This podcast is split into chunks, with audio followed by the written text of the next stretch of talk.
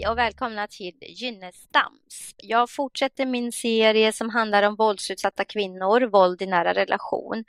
Förra avsnittet så pratade jag med Madeleine Onnela som jobbar som advokat och har just eh, de här frågorna som eh, sin ståndpunkt. Idag kommer jag att möta en kvinna som har levt det här livet som våldsutsatt eh, hon kommer att dela sin berättelse och det gör hon anonymt med all förståelse eh, och för att hon vill hjälpa andra kvinnor. Så jag säger välkommen till oss. Tack snälla, så fin chans att få vara med här och eh, få göra min röst hörd. Och det är så viktigt för att det är just så många kvinnor som går igenom det här och liksom behöver eh, höra andra kvinnor. Man behöver känna eh, att det finns hjälp, man behöver känna att det finns stöd och framförallt känna att det finns en väg ut och tillbaka. Absolut, det var ju det som jag verkligen hade behövt att höra eh, när det liksom small till för mig ordentligt för att man känner sig så otroligt ensam i världen.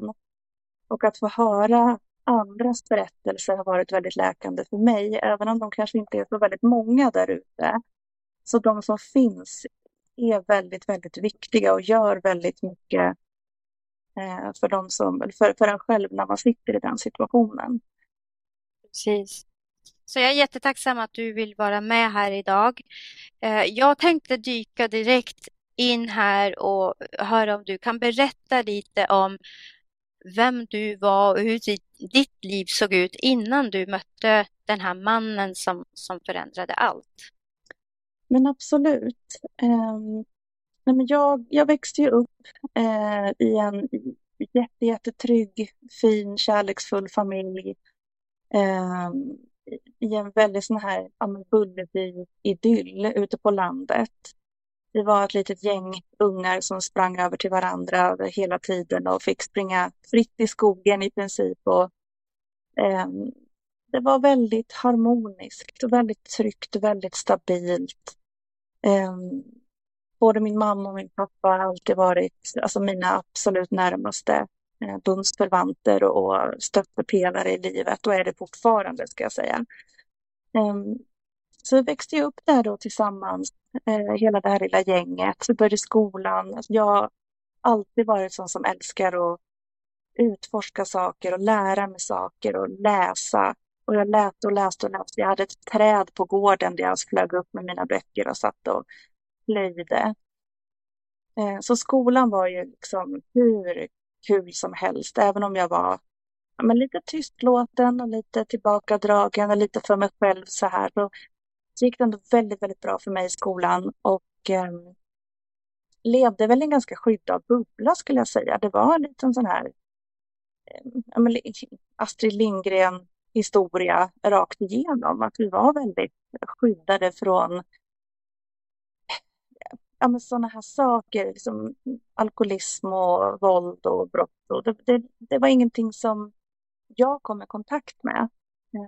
Även om vi var tonåringar så var vi ändå, jag var ändå väldigt skötsam tonåring. Eh, jag drack alkohol första gången efter att jag hade fyllt 18. Det var väldigt måttligt. Och, men nu låter det som att jag klappar mig själv på axeln här lite, men det kan man väl få göra, tänker jag. Absolut. Så att jag började på universitetet så fort jag bara kunde och det var så, så, så härligt. Det var min, alltså den bästa tiden i livet. Um, och jag hade väl den här, det här med mig från bakgrunden att ja, men, det är väl klart att alla vill ha den här trygga, harmoniska stabiliteten i livet. Jag hade så svårt att kunna föreställa mig att det fanns människor som absolut inte var intresserade av det. Alltså inte ens innerst inne var intresserade av det. Så det var väldigt svårt för mig att förstå när jag träffade den här mannen att han var så totalt tvärt emot mina värderingar. Eh, så att jag, eh, jag var ju mitt uppe i mina mina studier, Eh, hade skrivit min kandidatuppsats och eh, var igång med lite eh, räddningsämnen på universitetet och kände så här att men nu är jag snart klar med min filkand och det ska bli liksom så härligt och jag vill gå vidare och kanske ta en, en master eller doktorera så småningom och hade en akademisk karriär eh, planerad framför mig. Men så kom han in och slog undan fötterna på mig helt och hållet. Så du hade liksom drömmar och planer och tänkte liksom, du hade din framtid utstakad liksom för dig, vad du, mm. vill, vad du ville göra. Hur gammal var du när du mötte honom där? Jag var 26. Kan du berätta Då... hur det var när ni träffades? Ehm, det var via gemensamma bekanta. Ehm, kan man väl säga. Det gick väldigt, väldigt fort skulle jag säga. Jag visste lite grann vem han var innan och han verkade vara en nej men en teddybjörn liksom. Väldigt, verkade väldigt mysig, väldigt glittrande ögon och härligt leende och väldigt social och sprudlande. Eh, och verkade ha en väldigt stor umgängeskrets och omtyckt av alla som mötte honom. Eh, och jag eh, följde med en kompis som skulle eh, träffa honom. Och eh, så jag hängde med på ett bananskal där efter en, en tenta och, och eh, tyckte han verkade jättecharmig. Och han tog initiativen då till kontakt och ville att vi skulle ses igen. Och sen gick det väldigt fort med, med dejtandet där. När du säger att det gick väldigt fort, hur kan du, hur kan du beskriva, vad var det, som, var det dina känslor, att du blev kär fort eller hur menar du med, vad var det som gick fort? Nej men det var nog lite både och så, för han var väldigt intresserad och var väldigt mån om att vi skulle träffas redan helgen efter. Och han överöste mig med liksom sms om att jag var fantastisk och att jag var så, spelade på det här som ändå var mina styrkor, att jag var så smart och att jag var så eh, men intellektuellt påläst och att jag var en sån fin och bra person och sådana här saker som jag tog lite, lite stolthet i. Det plockade han ju upp på en gång och eh, skärmade ju mig helt och hållet. Eh, och att han bara hade ögon för mig och eh, ville att vi skulle träffas och höras hela tiden. Jag fick god morgon-sms eh, och det var godnatt-sms och det var väldiga eh, kärleksförklaringar, sådana där som jag tänkte att wow, det här är liksom verkligen på riktigt från hans sida. Så mina känslor hängde kanske inte riktigt med från början, utan det var mer att det blev ju en, jag fick ju bekräftelse hela tiden och det är klart att jag svarade på den. Och sen åkte jag liksom lite bara med på det där. Det var kul att träffas. Vi hade alltid jätteroligt när vi träffades. Det var mycket party, det var mycket, det var mycket alkohol redan då, men det var inget jag reflekterade över, för jag fick ju väldigt tidigt förklarat för mig att jag kom ju från en väldigt skyddad, trygg verkstad och, och ute på landet och det här var ju liksom inne i storstan och där umgicks man på det sättet. Där drack man. Att jag hade en felaktig syn på vad en normal alkoholkonsumtion var. Enligt och, honom då eller enligt? Enligt honom. Mm. Mm. Eh, för det var inga konstigt att ta några öl efter jobbet varje dag. Nej. Då kände jag att nej, det kanske det inte är. Mm. Så då, Så då, då blev du liksom skärmad och, eh, och, och, svarade på den här bekräftelsen såklart. Eh, jag tänker så att du hade ju ändå liksom eh, en, en, en plan, du hade liksom en ganska stabil eller en väldigt stabil liksom grund att stå på. Så, mm. Och det tycker jag då är ett, ett ganska starkt kvitto på att man behöver inte vara en trasig person för att fasta för de här typerna av männen. För att du hade absolut. ju ändå en trygg, en trygg grund liksom när du mötte honom. Men att ja, det gick ja, ganska ja. fort innan han började liksom få dig att tro att aha, det är normalt att dricka så här. Så. Mm. mm. Ja, ja, nej men alltså det är någonting som jag verkligen vill vara supertydlig med till alla att det finns ingen specifik person eller personlighetsdrag som gör en mer eller mindre mottaglig för de här personerna. För de här personerna speglar ju den som de träffar och det är jättelätt eh, i de här männens värld att vältra omkull en supertrasig kvinna. Det kanske inte är lika mycket sport som Nej. att eh, dra ner en, en stark kvinna, om man uttrycker sig så. Mm. så det är naturligtvis olika från fall till fall där också, men det finns ingen som är eh, menar, skyddad Nej. från det här på något sätt. Det kan hända alla. Absolut. Mm. Så det kom ju väldigt mycket sådana små gliringar redan från början mm. om att jag skulle vara medveten om att jag var ju jag hade ju levt ett liv som var väldigt skyddat och lite bortskämt. Okay. Mm. Och det kan man väl, som jag sa innan, det kan bara klappa sig lite på axeln att jag var så präktig och duktig. Och det, det där var ju också en reaktion, mm. om jag reflekterar nu, att jag mm. sa så. Det är ju också en gammalt spår av det här, att man får inte lov att, mm. att vara liksom nöjd med att man har haft det sådär. Mm. För det är lite, lite fult kanske. Mm enligt honom. Mm. För det fick jag ju liksom på mig att men du har ju inte levt den riktiga världen. Mm. Det var väldigt mycket att spela på det här att jag hade väldigt dåliga sociala skills mm. för att jag kom från det här bondesamhället och inte kunde riktigt storstadsmentaliteten. Man kunde bli väldigt trött på mig, mm. alltså skämmas över mig. Mm och tyckte att ja, men din pappa har skämt bort dig så mycket. Du eh, förstår du väl att du inte kan dricka fyra öl, du går ju på studiemedel. Det har ju inte du då måste jag betala för dig och eh, spela på dåligt samvete. Och det var väl sant, kunde jag tycka. Det är väl rimligt att man inte ska lägga pengar på öl. Men å andra sidan så var det det enda alternativet om vi skulle umgås. Mm. Så om jag var, intress- alltså var seriös med honom så skulle jag ju följa med. Så det blir mycket det här att man kan inte göra rätt vad man än gör. Mm. Och då vill man så gärna göra rätt. Mm. För jag hade ju fortfarande den här bilden av att ja, men det är väl klart att alla vill ha den här tryggheten och stabiliteten som jag vill ha. Mm.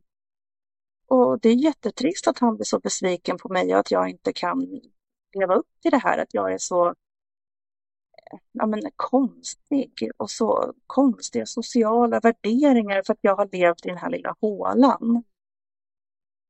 Och då skulle han då försöka lära om mig. Mm. Och då kom det att men du kan inte klä dig på det där viset samtidigt som jag skulle klä mig utmanande för hans skull. Mm. Men om jag klädde mig utmanande för hans skull när vi skulle ut och sen så var det någon annan som kommenterade det. Då fick jag också skäll för det. Att då hade jag ju i den här ut, alltså klädseln hade jag ändå betett mig på ett felaktigt sätt. Och sen är man så väldigt upptagen med de här små strategierna för att försöka få honom nöjd. Att man inte riktigt hinner reflektera över vad sjutton det är man håller på med egentligen. För hjärnan funkar ju också så. Och det här är någonting jag hade velat haft med mig redan från början. Att hjärnan har ju ett system som ska, hjärnan är ju bara utvecklad för att den ska få dig att överleva. Och när hjärnan identifierar någon form av hot, då kan den ju antingen slåss, eller så flyr den, eller så spelar den död. Mm. Och jag vill mena att man i de här relationerna kickar igång den här frysreaktionen, även om du inte är liksom stel, alltså frys, som det är om du är med ett, ett väldigt ett aggressivt övergrepp mm. så är det ändå liksom en liten frysreaktion hela tiden som gör att hjärnan helt enkelt gör det som skyddar dig mest, mm. det vill säga är till lags.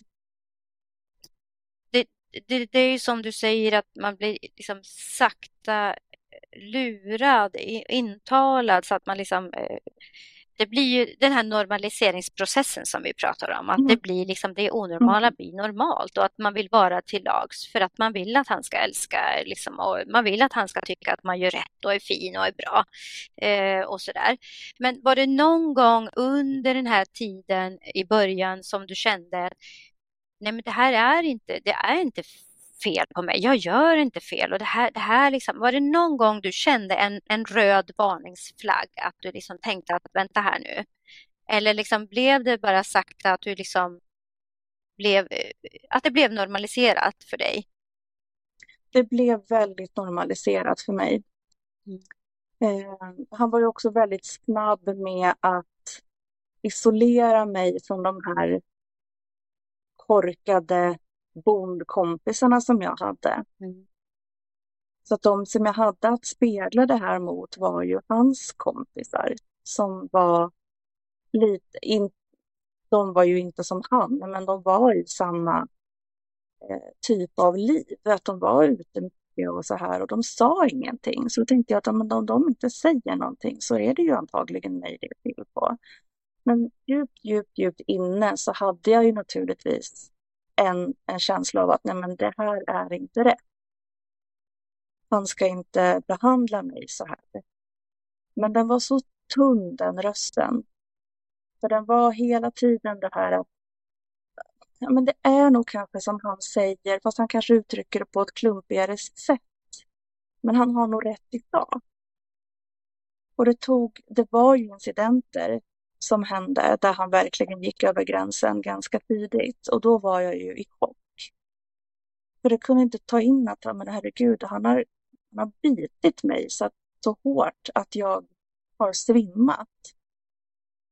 Men där var han ju så snabb med att intala mig att det inte alls hade hänt. Så att även om jag innerst inne visste att men det här har hänt så kom ju gaslightingen in ganska snabbt. Kan du för de som lyssnar som inte vet vad gaslighting är, kan du beskriva det lite? Ja, det är en fruktansvärd form av psykisk misshandel där du får personen att tvivla på sin egen verklighetsuppfattning. Eh, jag vill minnas att det kommer ifrån en film där de har sådana här eh, gas, alltså gasdrivna lampor och att kvinnan då menar på att de här eh, fladdrar eh, på kväll för att mannen är där och gör någonting med den här gasen. Han säger att nej, det är inte alls, det är du som är galen. Mm. Eh, och sen visar det sig att det faktiskt är han som manipulerar för att få henne att känna sig galen. Och det är ju någonting som jag har hört alla kvinnor som jag har pratat med, att de också har blivit utsatta för det här. Och det där är fruktansvärt för att de är så bra mm på att få dig själv, dig att, att ifrågasätta din egen minnesbild och din egen verklighetsuppfattning. Jag tänker på, du beskriver att han, att han har bitit dig så att du har svimmat. Är det, liksom, är det det första, var det här första gången som det var fysiskt våld? Det är första gången som jag, innan jag kom ur relationen, som definierades som fysiskt våld. Men när man går tillbaka och får ett språk för vad fysiskt våld är så är det ju många fler gånger innan. Kan du, beskriva, kan du, vill du beskriva några tillfällen? Varför jag frågar, jag vill säga till alla som tittar och lyssnar, varför jag ställer många frågor nu, därför att det är så viktigt för alla människor att förstå att det är så mycket eh, allvarligare än man tror. Många förstår inte vad det handlar om och jag, och jag tänker det du pratar om nu att fysiskt behöver inte bara vara en, en smäll så att det kommer blod eller, eller blåmärken och så. Psykiskt våld är på ett sätt. Det finns så många olika former av våld och det är så viktigt att man förstår eh, vad som händer i en sån här relation. Att det är inte så lätt och det är så lätt att man blir invaggad i det här. Så det är därför jag ställer många frågor nu. Ja, nej men det är jättebra, för det är verkligen precis som du säger, att det, är, det här psykiska våldet är så massivt eh, innan det första slaget kommer. Det första slaget kanske aldrig ens kommer. Utan det var många, många gånger kunde han slita kläderna av min kropp så att jag fick märken. Det är också en form av fysiskt våld som inte jag uppfattade som fysiskt våld. Han kunde spotta på mig. Han kunde eh, bryta bak mina armar För att han ville testa hur långt det gick att bryta bak dem innan det liksom ja, tog stopp. Eh, han drog mig i håret. Han kunde nypas. Om jag hade ett blåmärke någonstans så ville han gärna nypa hårt i det för att se om man kunde göra blåmärket större. Ehm, och det var ganska snabbt som det kom in på eh, men hårdare tag när det kom till sex. Och då blev det på något sätt legitimt för honom att skada mig på olika sätt i sexuella sammanhang. Och då kunde han sen utanför sovrummet göra sådana saker och hävda att det bara var han som ville visa på att han var lite sugen. Så det här första fysiska våldet var svåridentifierat för mig. Och dessutom fick jag ju höra många gånger då att nej men det där har ju du drömt eller det där var inte jag och det där har du bara överdrivit för du är känslig. Trodde du att det var så då också? Att du hade överdrivit eller drömt eller? Ja, det blev så att jag började ifrågasätta vad han kunde dissekera ner det här minnet i molekyler mm. och övertyga mig om. Många gånger handlar det nog om att jag bara la mig och var ja men okej, det var väl så då. För att bli av med konflikten. Men då kom man ju också in i det tankesättet att ja, men, ja men det kanske var det. för Sen dagen efter så var allting frid och fröjd och jättefint. Och då kunde han vara jättemysig och gullig. Om jag skulle ta upp det här igen då så blev det ju att jag skulle förstöra stämningen och, och man la locket på kring det här. Och sen rullade ju vardagen på. Så att det, det är så lätt att säga att man ska gå vid första slaget, men det där första slaget föregås av så enormt mycket. Och det är just därför jag tar upp de här sakerna om och om igen. För att alla har väl fått frågan, men varför stannade du? Eller varför går du inte bara? Varför lämnade du inte honom? Och det är det som människor behöver förstå. Eh, det är inte så lätt. Mm. Det är verkligen inte lätt. Det är ju en mm. att stanna. Mm. Sen så fick ju ni barn tillsammans.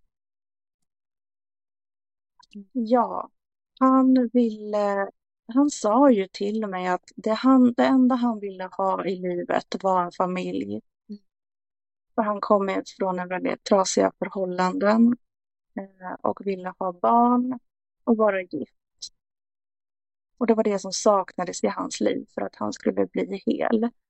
Han drack väldigt, väldigt mycket alkohol och var full varje dag. Och han sa till mig att det är för att han inte har den här familjen som han så gärna vill ha. Och i min trasiga hjärna vid det tillfället så tänkte jag att ja, men om han får den här tryggheten som jag har haft och mått så bra av så kommer han också att bli liksom harmonisk och lycklig. Ehm, så han ville att vi skulle gifta oss. Och det gjorde vi. Och snabbt därpå så blev jag gravid. Och vi fick vårt första barn. Ehm, kom hem från BB, hade varit hemma i två dagar tror jag. När han kom hem och var jättefull igen. Och då blev jag jätte, jättearg.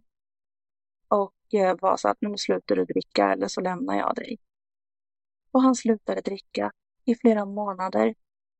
Och det var så fint och det var så bra och jag var så eh, vaggades tillbaka i det här igen. Eh, så att vi, vi till, totalt så var vi tillsammans i nio år.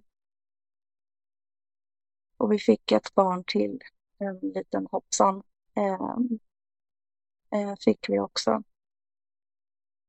Till saken hör jag också att jag var tvungen att börja jobba då. För att vi kunde ju inte ha, om vi skulle ha barn, så kunde ju inte jag plugga. Eh, så att jag hade ganska snart, snart fick jag ju avsluta mina studier och fick börja jobba istället. Så att mina akademiska planer gick ju liksom i stöpet. Dessutom så gick det ju faktiskt killar Eh, på universitetet och det gick ju inte för sig. Så att jag blev, eh, eh jag, jag jobbade och eh, var hemma med barnen. Och sen, alltså det eskalerade ju hela tiden. Jag var på väg att skilja mig en gång. Eh, och då gick jag så pass långt att jag eh, skickade in det här pappret för att eh, bekräfta skilsmässan. Men han, han blev helt knäckt. Han var helt förstörd. Han bara grät och grät och grät och var helt förstörd. Han bara, jag fattar inte att du verkligen skulle lämna mig. Jag förstår inte vad jag har gjort. Hur kan jag ha förstört allt det här som jag, det enda jag ville ha i livet, den här familjen. Och jag gav honom en chans till. Var det det, det du enda... kände då att du fick, att det blev skuld, att du kände skuld, att du tyckte synd om honom?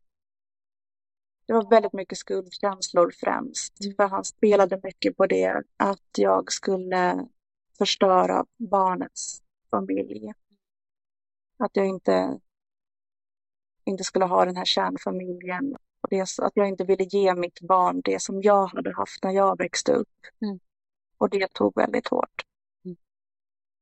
Men anledningen till att han ville få mig tillbaka var ju för att vi inte hade något äktenskapsförord och andra papper skrivna, utan om jag skilde mig där så skulle vi ha delat allting lika.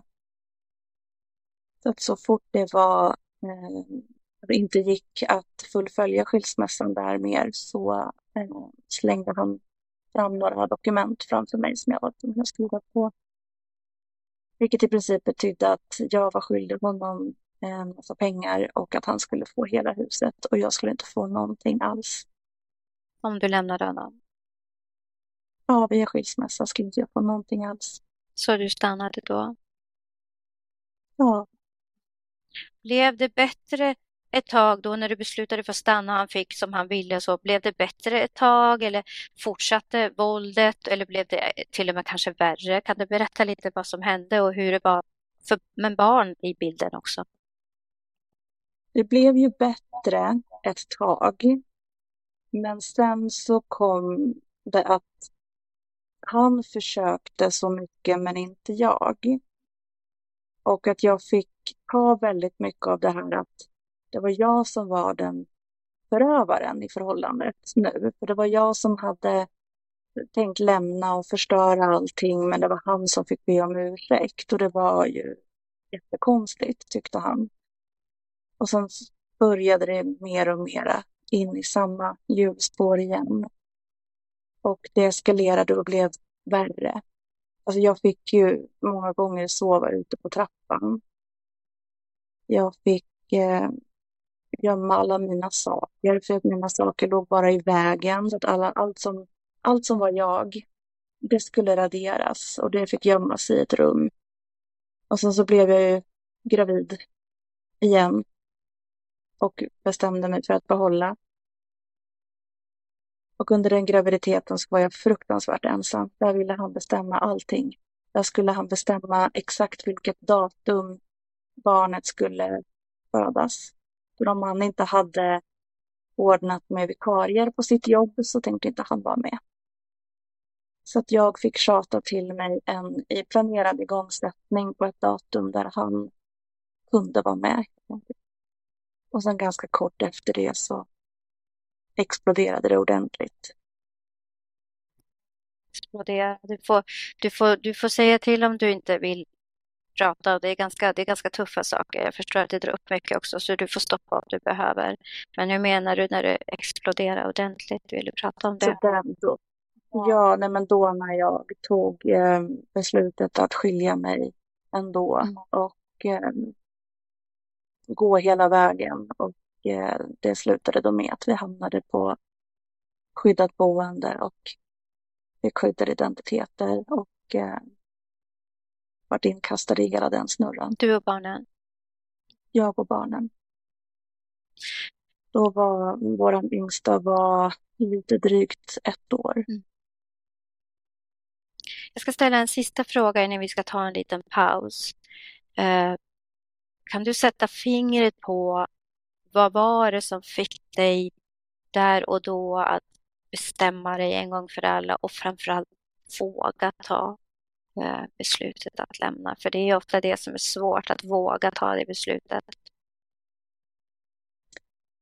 Jag hade ju velat lämna ända sedan första gången jag skickade in skilsmässopapperna mm. första vändan, men hade någon tanke om att ja, men han får en sista chans. Mm. Och det, det blev ju inte bättre.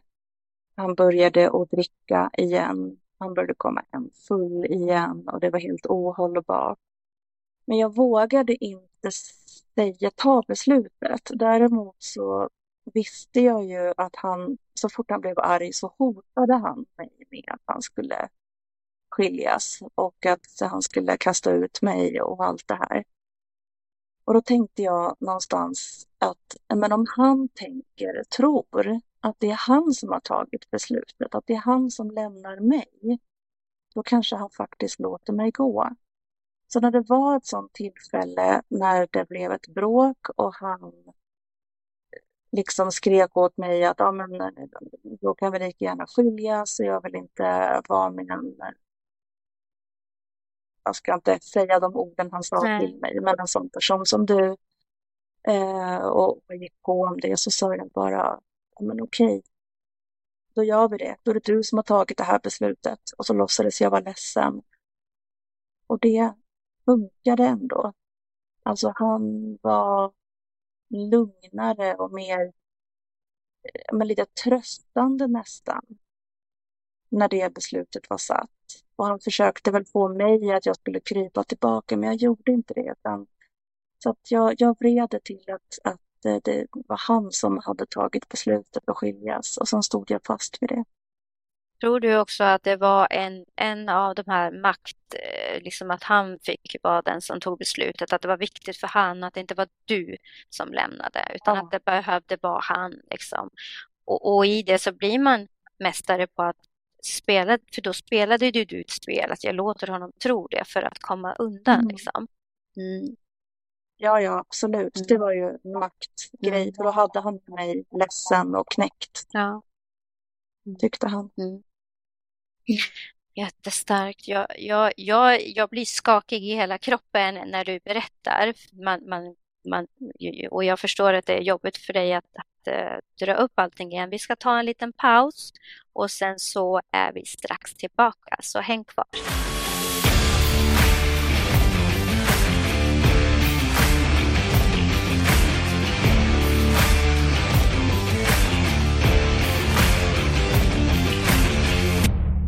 Då är vi tillbaka. Vi pratar idag om våld i nära relation.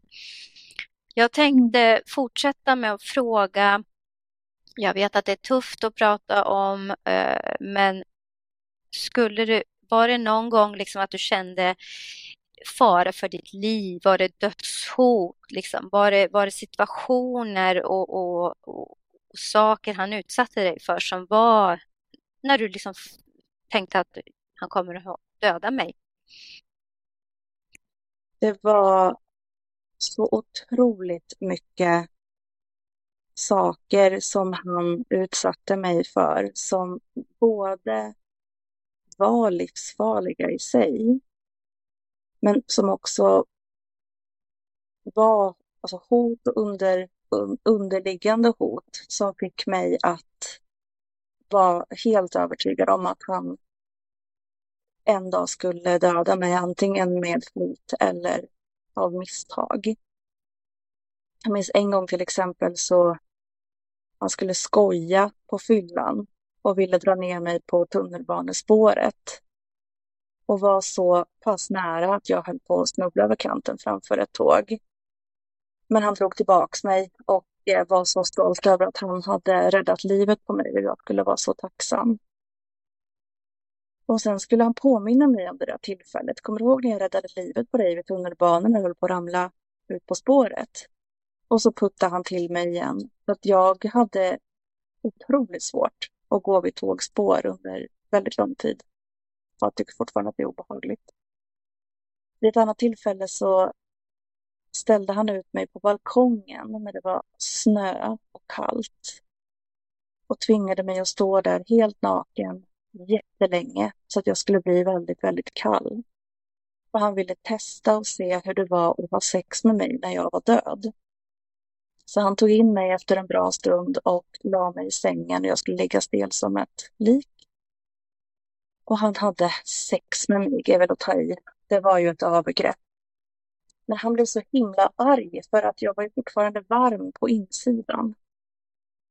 Så då ville han hämta kallt från frysen och, och våldta mig med för att det skulle bli kallt på insidan också. Eh, men vid det tillfället, eller vid det laget så hade jag ju tinat upp så pass i kroppen så att det, det, blev liksom bara misslyckat. Så då vart han jättearg och så gick han ut på krogen istället. Sen har han ju försökt kasta mig från balkongen eh, på skämt, säger han. Men jag upplevde det inte som ett skämt. Han eh, har fått mig att gå över så otroligt många gränser. Så otroligt många gränser och det är svårt att förklara hur det blev så. Eh, men vi hade efter en tid då så var det liksom mer eller mindre rutin att han kom in i badrummet när jag duschade. Jag fick inte låsa dörren för då bröt han upp med en kniv. Och då eh, kom han in och kissade på mig när jag stod i duschen eller när jag låg i badkaret. Och sen var jag så äcklig så då kunde han ju inte ha sex med mig. Då var han tvungen att gå ut och hitta någon snyggare. Så där låg jag och hade blivit kissad på och jag var övertygad om att han var ute och var otrogen. Sen var mycket också inne på att han skulle tillfoga mig smärta men jag skulle inte visa något. Jag skulle visa hur stark jag var för att jag var ju en stark självständig kvinna och då skulle jag ju visa att jag kunde vara det också. Så han, han kunde liksom att jag skulle sitta i hans knä och så kunde han bita mig i nacken eller bak i ryggen eller någonstans där det liksom inte syntes för andra. Eh, Medan vi sa att jag skulle prata på som vanligt men han bet så hårt att det liksom blödde igenom. Och han har kastat saker mot mig. Det vill nyårsafton, en nyårsafton som var så fruktansvärd för då hade han druckit och var så otroligt full och hade drömt att jag hade flörtat med någon. Och vaknade, det var bara han och jag i lägenheten och han vaknade och var övertygad om att jag hade varit otrogen. Så han började kasta allt löst alla glasflaskor, alla glas. Det bara regnade glas omkring mig så jag flydde in i badrummet och låste in mig och satt där hela natten. Och sen framåt morgonkvisten så smög jag ut och det var som ett glittrande liksom glastäcke över hela golvet, överallt. Och han låg och ytandades. Han andades väldigt, väldigt ytligt. Han hade druckit så kopiösa mängder alkohol. Och jag satt där och bara, jag borde ringa ambulansen. Men jag vill inte. Och jag kände mig så hemsk. Och så vaknade han ju upp sen. Och då hade jag den här otroliga ångesten inom mig. Att, men jag tänkte den tanken. Jag tänkte att jag inte ville ringa ambulansen för att jag var så rädd för honom. Och när han då tvingade mig att på knä plocka upp varenda glasbit från hela lägenheten så gjorde ju jag det. Och skar mig överallt. Och då kom det väldigt mycket sådana hot att om du gör sådär mot mig igen så kommer jag att döda dig på riktigt. Och det var mycket sådana saker som att jag kände mig att jag hade liksom en ångest i mig och jag skämdes över alla saker som jag hade, för han tog ju upp det med mig att jag hade gett honom dålig mat så att han hade blivit dålig i magen. Då fick jag ett, ett foto skickat till mig på hans avföring. Titta vad du har gjort mot mig. Jag var både äcklad och jag kände mig kränkt och jag kände mig också alltså, att jag skämdes för att jag hade gjort så här fel. Eh, och kände väl någonstans att men jag kanske inte borde leva då. För han planterade den tanken i mitt huvud att det var ju slöseri att ha mig vid liv. Sen skrev han, eller tvingade mig att skriva över sig själv som förmånstagare, ensam förmånstagare för min livförsäkring. Och då började det kännas jättejobbigt också. Ehm, men det var ju också sånt underliggande liksom hot, att du är värd mer död än levande. Och det visste jag ju, för det var jättemycket pengar på min livförsäkring. Ehm, I hans värld i alla fall. Ehm, så när jag var gravid med den yngsta så var han ju först och främst övertygad om att det var någon annans barn. Och det var väldigt mycket under den, den graviditeten att ja, men det var jag som hade valt att behålla och då fick jag ta hand om det här själv. Men att han planterade i mig när jag var så känslig att jag för allas skull borde ta livet av mig. Och han tjatade om det här ganska mycket. Till slut så sa jag, men kan jag åtminstone få gå klart graviditeten först? Ja, det får du, sa han. Så jag gick den sista delen med graviditeten och kände ett, en skyldighet, en plikt att jag är tvungen att ta. Jag ville ju inte.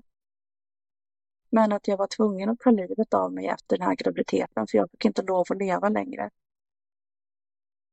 Det är så starkt av dig att idag sitta här och berätta det här. Du, är, du är så otroligt modig. Och jag, jag har svårt. Jag har gråten i halsen nu. Jag, jag, jag tycker jag blir otroligt eh, tagen. Eh, jag är glad att... Jag är, ett, jag är jätteglad att få lära känna dig. Och jag är jätteglad att du sitter här idag. Och jag är jätteglad att du har tagit dig ifrån det där. Detsamma. Tack för mm. att du hittade mig. Mm. Det känns jätte... Det är ju jättehemskt mm. att sitta och minnas tillbaka på allt det här. Mm. Men jag tänker inte låta honom vinna över min röst. Och våra röster. Mm. Jag hamnade ju på skyddat boende till slut och träffade ju väldigt många kvinnor. Och när vi satt på vår lilla rökbänk där utanför och pratade med varann så hörde jag de här kvinnorna berätta exakt de här historierna för mig. Mm. De har också stått på balkongen. De har också blivit kissade på. De har också blivit misshandlade. Alltså på alla möjliga sätt. Och vi satt där och bara, men gud, har vi varit tillsammans med samma person? Mm. Och, och det, är det som är så hemskt. Det, det, det, det du tar upp nu är någonting vi kommer prata om i ett, avsnitt, ett, ett senare avsnitt. Just det här att man kan tänka att de här människorna är stöpt i samma form, har gått samma utbildning eller så där brukar jag säga. För att mm. det är just det att det är så mycket igenkänningsfaktorer och, och som du beskrev tidigare att när man är i det där så känner man sig så otroligt, eller man, man är väldigt ensam. Kände du att när du först verkligen satte ord på saker, var det då du tänkte att nej men det där är ju inte normalt faktiskt? Förstår du hur jag menar nu? Ja, Mm. Ja, jag fick ju göra en sån här fredag eh, intervju. Mm. Eh, där man får svara på en massa olika frågor och eh, utifrån det så får man poäng då för att bedöma eh, ja, men risken för Precis. Eh, dödligt våld och så. Och det var väl när jag gjorde den som jag fick ett så mycket större förståelse för att alla de här små sakerna som jag inte hade räknat som våld och onormalt, mm. att det fanns ett formulär som beskrev hur farligt alla de där små delarna också var. Mm.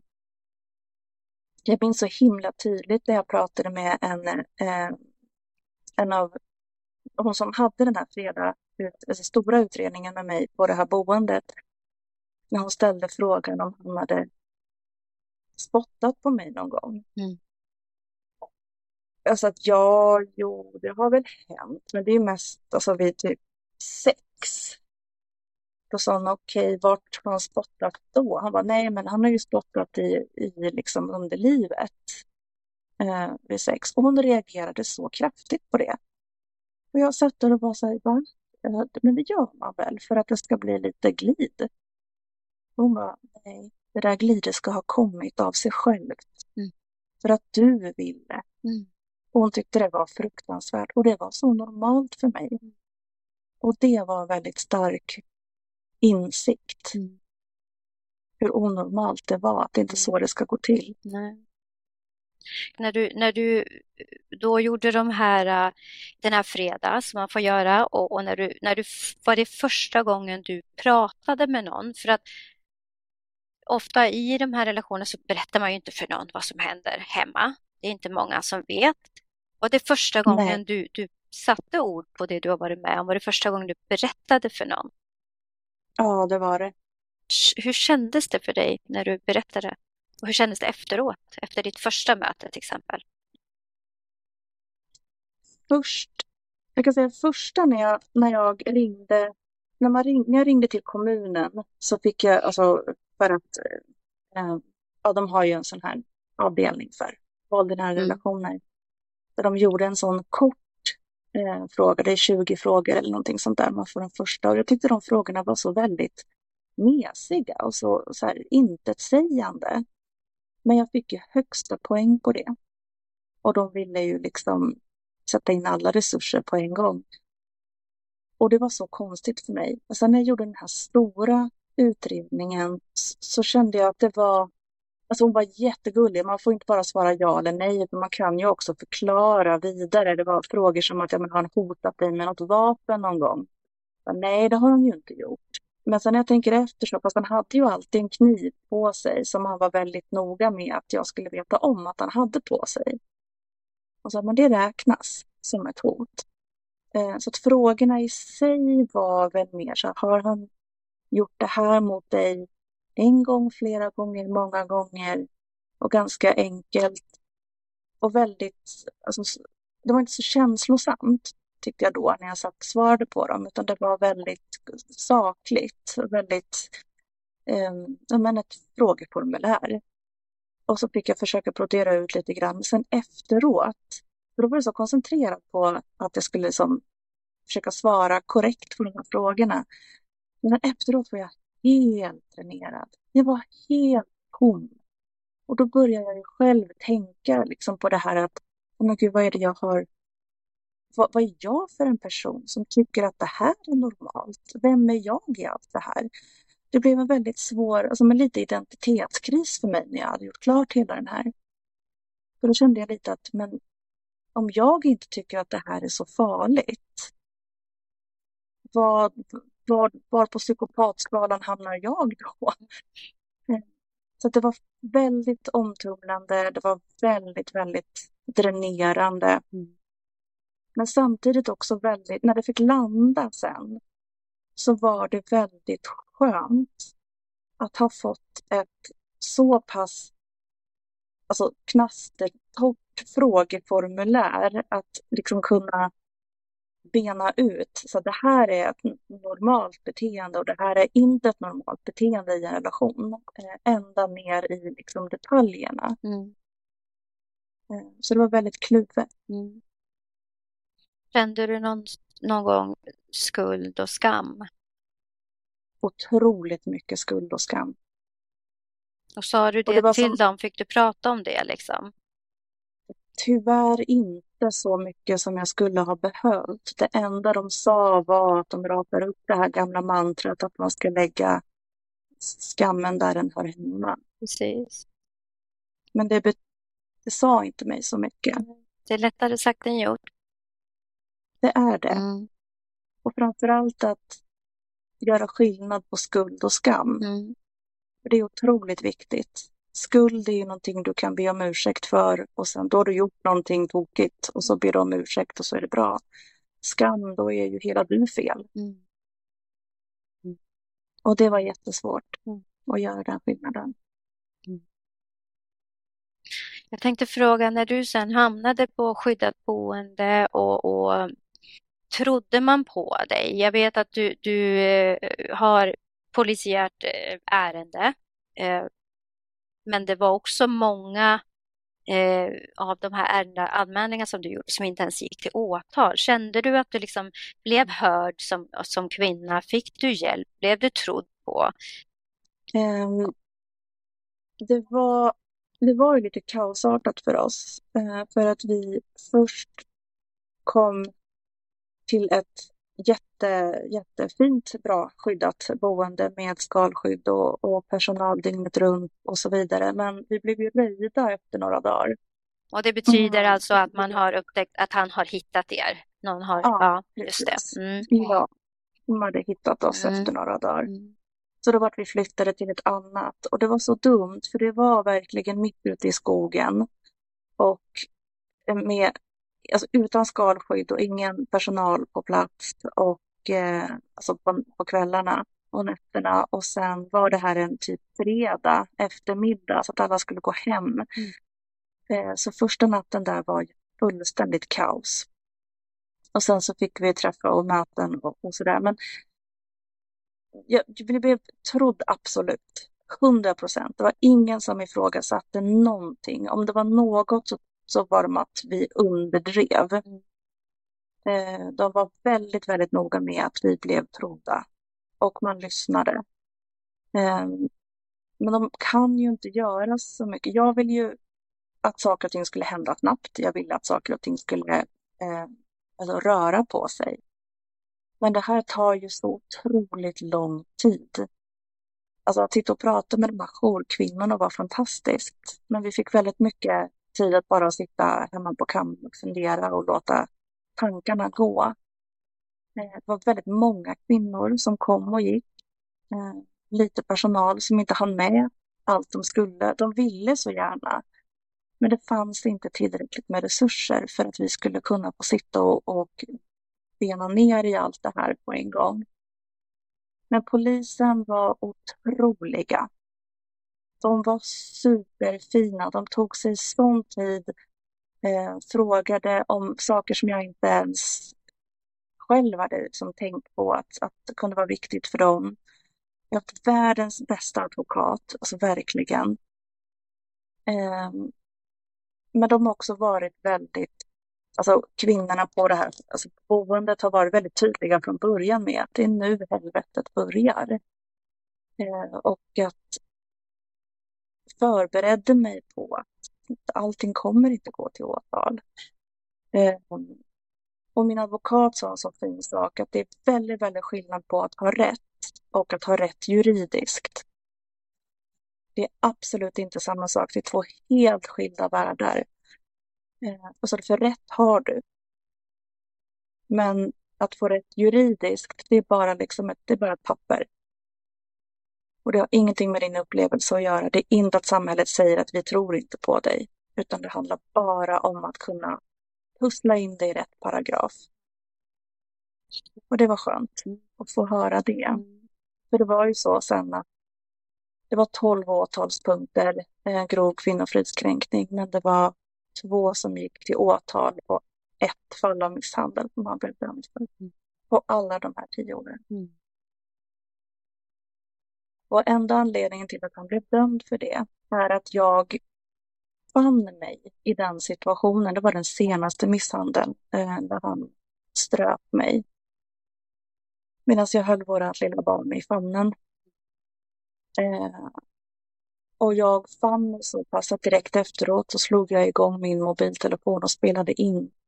Så jag fick med en inspelning där det var, ja, framgick liksom att det, det jag sa stämde. För det är någonting man inte gör. Man samlar inte bevis. För det är livsfarligt att samla och ha bevis. Vi pratar om det i avsnittet med advokat Madeleine Onnela, just det här att att man måste vara försiktig när man samlar bevis för att de har ju oftast kontroll över ens mobiler och, och datorer och grejer. Att man ska kanske ha någon man litar på som man kan skicka till eller lägga det på någon stick sticka och gömma hos någon annan och sånt där. För de har väl ofta liksom kontroll på om man har saker i molnet och de har alla mm. lösenord och allt sånt där. Alltså att det finns i det avsnittet, ni kan titta längst ner här i slutet på, den här, på det här avsnittet, där Madeleine tipsar om hur man kan samla på sig bevis säkert. Mm. Mm. mm. Det är ja. jätteviktigt. Ja. Jag tänkte fråga, sen Vi pratade lite eh, off cam här du och jag om någonting som du inte var beredd på och som de flesta inte är beredd, beredd på det i det här eftervåldet som kommer. När man väl har mm. tagit sig mod, kraft, ork och lämna och kommit till kanske som du skyddat boende och så. Eh, hur, hur utvecklade sig det för dig? Åh, herrejösses. Det var ju en otrolig chock. Att det där, äh, den där öppna famnen med skyddsnät äh, och alltihopa som man trodde skulle stå där och vänta, det, det var inte så självklart. Ehm, redan första natten när han insåg att vi var borta så äh, fick jag en notis i mejlen om att han har tagit bort mig från behörigheterna på larmet och grejer på huset.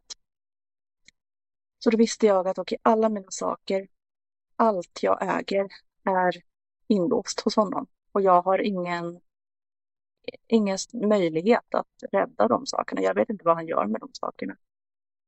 Alla barnens saker, allting eh, låg där och han eh, stängde av min mobil för den hade han ju naturligtvis stod skriven på sig. Han stängde av min, mitt abonnemang så att jag hade ingen eh, telefon. Jag hade min jobbtelefon med mig så det var den jag använde. Eh, jag fick ju, vi fick ju skyddade, skyddad folkbokföring, eh, jag och barnen i det högre eh, graden av skydd. Den överklagade han och försökte få bort den för att vi inte skulle behöva ha det. Och det lyckades han ju inte med, men det var ju en sån eh, alltså, skräck att gå igenom den processen. Eh, och sen så började det ju med... Det var ju inte så mycket att han aktivt sökte efter oss, men han var tydlig med andra att han känner folk överallt. Så att var vi än befinner oss någonstans så kommer någon att se oss och berätta för honom vart vi är någonstans. Så jag kommer aldrig kunna gömma mig. Men han uttalade ju aldrig vad han skulle göra om han hittade mig. Så därför har jag ingenting att gå på eh, om man skulle anmäla det. Och sen så började det med eh, barnen då. Eh, han eh, ville ha ensam vårdnad.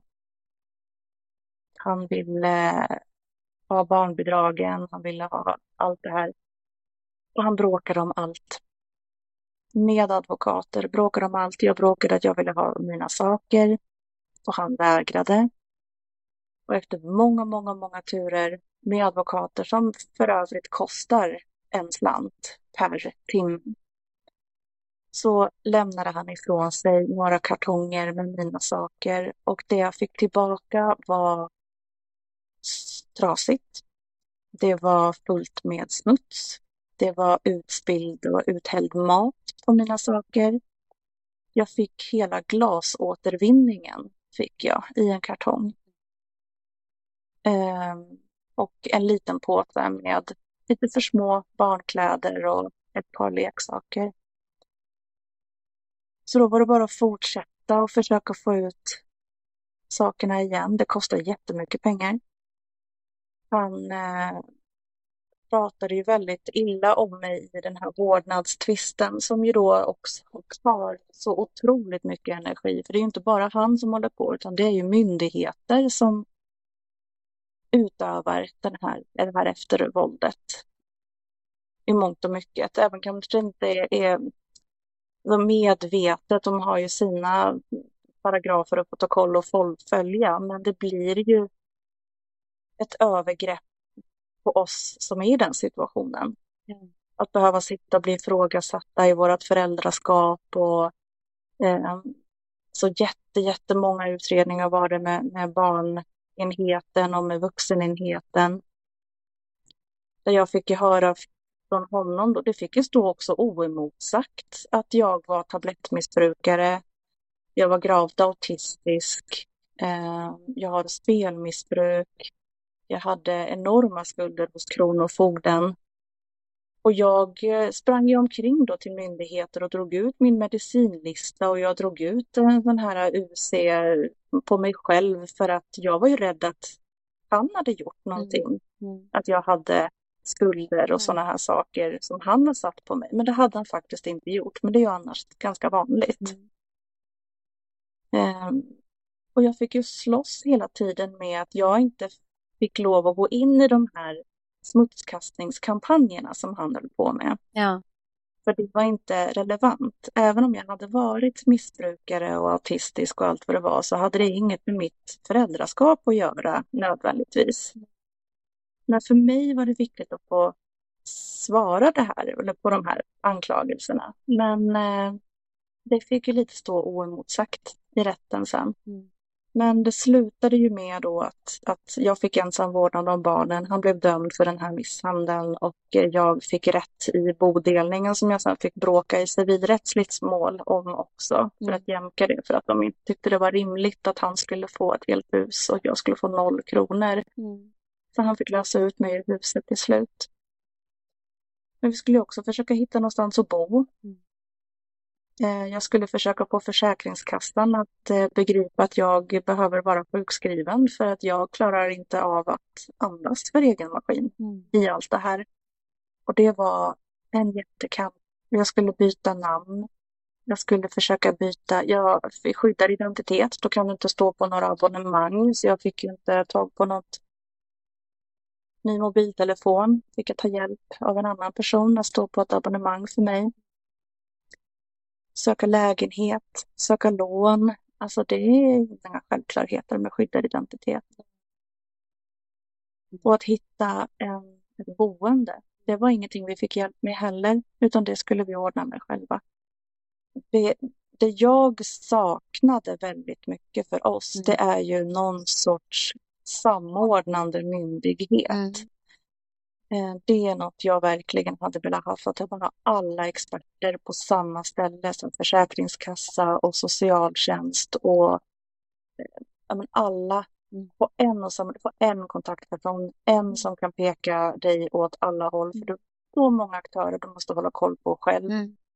Och jag vet inte hur det här lämnarprogrammet fungerar om man får det där liksom ordnat åt sig, Mm, allt det mm. praktiska. Men vi måste ju sätta oss och försöka göra allt det här själva och veta vad vi behöver göra Mm. själva. Och hitta boende och vart vi kan liksom, och var vi kan vistas någonstans. Mm. Och vart barnen ska gå i skolan och hur det ska fungera och hur skyddet ska fungera och prata med skolan. Och det är så otroligt många grejer vi behöver göra Mm. själva. Mm. Och det finns väl i socialtjänstlagen någon sorts tanke om att det är bra att man får göra allt det här själv. Mm. Att man inte blir ett, ett offer eh, och, och liksom tas ifrån den gränsen. Mm. Men det är inte riktigt läge där och då Nej. att behöva göra allt det här själv. För det går inte. Utan du behöver andas Mm. med magen. Mm. Du behöver få känna alla känslor. Du behöver få krascha. Mm. Eh, Det var ju så talande på det skyddade boendet att man kände matoset när folk lagade mat där vid liksom sextiden på kvällen. Mm. Sen var det tyst, man hörde lite barnskrik och lite stamp och sådär. Sen vid nio, halv tio någonting, då slogs varenda dusch Mm. på. Mm. Och då gick mammorna in och grät i duschen. För man orkar inte. Mm. Och det behövs någon sorts samordning som fångar upp och tar hand om allt det här på ett enkelt sätt åt oss, för vi kan inte. Mm. Eh, Och att vi får ett boende. Inte behöva söka själva utan bara säga att ja, men vi behöver en trygg plats nära skola och förskola. Mm. Och så får man hjälp med det. Mm. Mm. För det är, det är ju det här man är sjukskriven för. Man får inte vara sjukskriven för att man har lämnat en destruktiv relation. För det är inte en sjukdom. Det måste vara baserat på ett läkarintyg och det måste vara liksom visa på att du har en nedsättning i din arbetsförmåga Mm. som beror på liksom en sjukdom. Och då är det ju eh, om en stressreaktion eller ångest eller vad det nu är för någonting. Mm. Och det här tar ju så himla lång tid så du behöver vara sjukskriven ganska länge kanske. Ja. I de allra flesta fall. Mm. Lämna ditt jobb, söka nytt jobb. Mm. Och sen är dina dagar slut. Ja. Sen när du går ut efter det här och sen så jobbar du så blir det så för mig. Det går ett tag. och sen kraschar du för då blir du, får du utmattningssyndrom. Mm. Och då ifrågasätter ju gärna Försäkringskassan, men du har ju varit sjukskriven för det här i ett år kanske. Ska du vara sjukskriven i ett år till för samma sak? Det blir också jättekonstigt. Mm. Jag tänker att det handlar mycket om okunskap. Det finns en så stor okunskap i, i det här, i det hela. Där man inte, som du säger, man har inte förståelsen och, och, och som du säger, det måste vara, vara en sjukdom. Du är inte sjuk om du har lämnat en våldsam relation. Enligt vem? Så, så att det här, ja, här behövs det mycket mer kunskap och det behövs mycket mer eh, stöd och hjälp för att kvinnor ska kunna lämna det här. Jag tänkte fråga dig, det är ju så otroligt starkt det du har berättat eh, och jag tänkte höra vart du befinner dig i livet idag. Eh, idag är jag sjukskriven för utmattningssyndrom. För det gick inte längre. Jag hittade en lägenhet där jag flyttade in med mina barn och ordnade med skola och förskola, bytte jobb, alltihopa och sen så efter något år så blev vi röjda igen och hittade igen. Mm. Så då fick vi panikflytta och riva upp alltihopa en gång till. Och jag var så, så, så inne på att jag skulle bygga upp allt det här igen för barnens skull. Så jag skaffade mig en ännu högre chefsposition, jobbade 100 procent. Jag eh, skulle vara den bästa mamman med all energi som fanns. Eh, har en ny relation som är helt fantastisk. Den är helt, helt, helt tvärt emot allt som min tidigare relation var.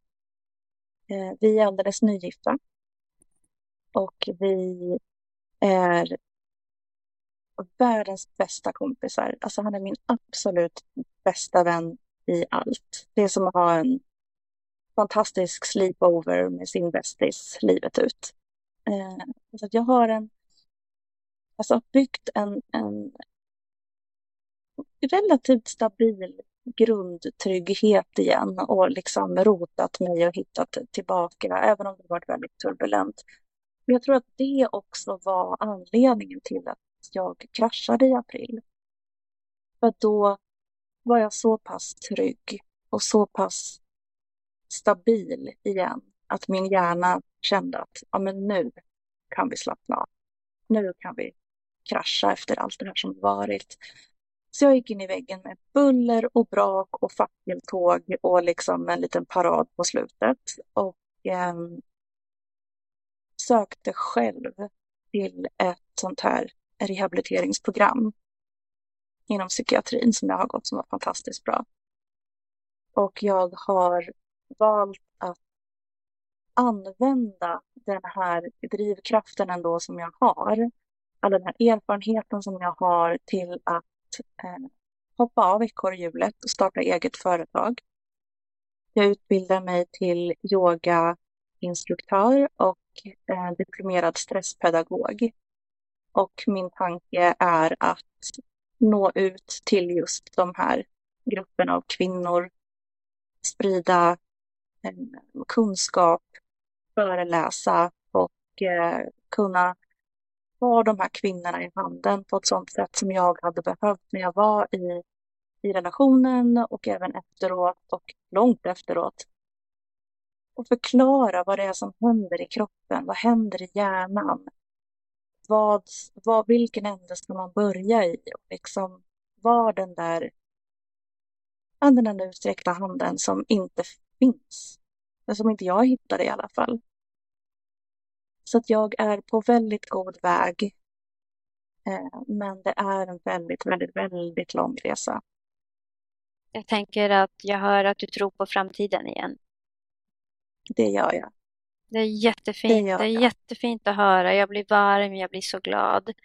Um, och som du säger, det är en lång väg att gå och vi kommer ha flera avsnitt där vi pratar om de här olika aspekterna. För det, det är en stor apparat det här och det är mycket att prata om och det är jättefint att du som kvinna som har varit utsatt och gått igenom det här nu vill hjälpa andra, för det behövs. Och det, jag är så tacksam för att du ville vara med idag.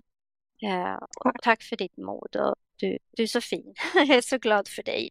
Skulle Tack du vilja... för att du tar upp det här ämnet också. Det är jätte, jätteviktigt. Mm. Du gör jättestor skillnad. Absolut, tack. Är det någonting du skulle vilja avsluta med att säga till kvinnor som kanske är i samma situation, vill lämna eller kanske är i början av någonting man känner att det är något som inte stämmer? Lita på din magkänsla. Alltså det du upplever är sant. Du behöver inte be om någon sorts validering. Jag hade en psykolog som jag pratade med som sa en sån sak som, som satte sig så hårt hos mig när vi pratade om just det här. Hon sa att om din, ditt ex då, om han går förbi dig och spiller en kopp kokhett tevatten på ditt ben så att du bränner dig, vad behöver du då? Behöver du att han ber dig om ursäkt för det han har gjort? Självklart, sa jag. Och hon upprepade frågan igen. Men vad behöver du? Ja, jag behöver ju att han tar ansvar för att han har skadat mig och att han liksom ber om ursäkt och hjälper mig. Så till slut nästan skrek hon, du har en brännskada på ditt ben. Vad behöver du? Ja, vård. Kom jag fram till sen. Så att även om det känns bra att man vill att han ska be om ursäkt och ta hand om allt som han har ställt till med så spelar det ingen roll. Du blir inte bättre i din brännskada för det. Du behöver vård. Eh, det slog väldigt hårt hos mig och jag hoppas det kan sätta snurr i huvudet på någon annan också. Det gjorde det mig också. det var väldigt fint. Ja. Jättefint. Tro på dig själv. Mm. Mm. Mm. Tusen tack igen för att du ville vara med. Och jag önskar dig all lycka i framtiden med allting och kommer ju följa med på resan såklart. Du är så välkommen. Tack. Mm. Till alla er som har lyssnat, tack för att ni lyssnade och behöver du hjälp, behöver du stötta stöttning. Eh, det finns hjälp. Vi kommer att lägga ut i det här avsnittet länkar, telefonnummer, vart man kan vända sig. Titta även på avsnittet, jag kommer lägga in det här nere med Madeleine Onnela, advokaten som pratar om hur man eh, kan få hjälp, vad det finns för hjälp att få. Mycket bra råd till eh, kvinnor i våldsamma relationer. Men som sagt var, lyssna på magkänslan. Det finns en väg ut och det finns en väg tillbaka till livet. Så tack så jättemycket och var rädd om varandra och var rädd om er själv. Hej då!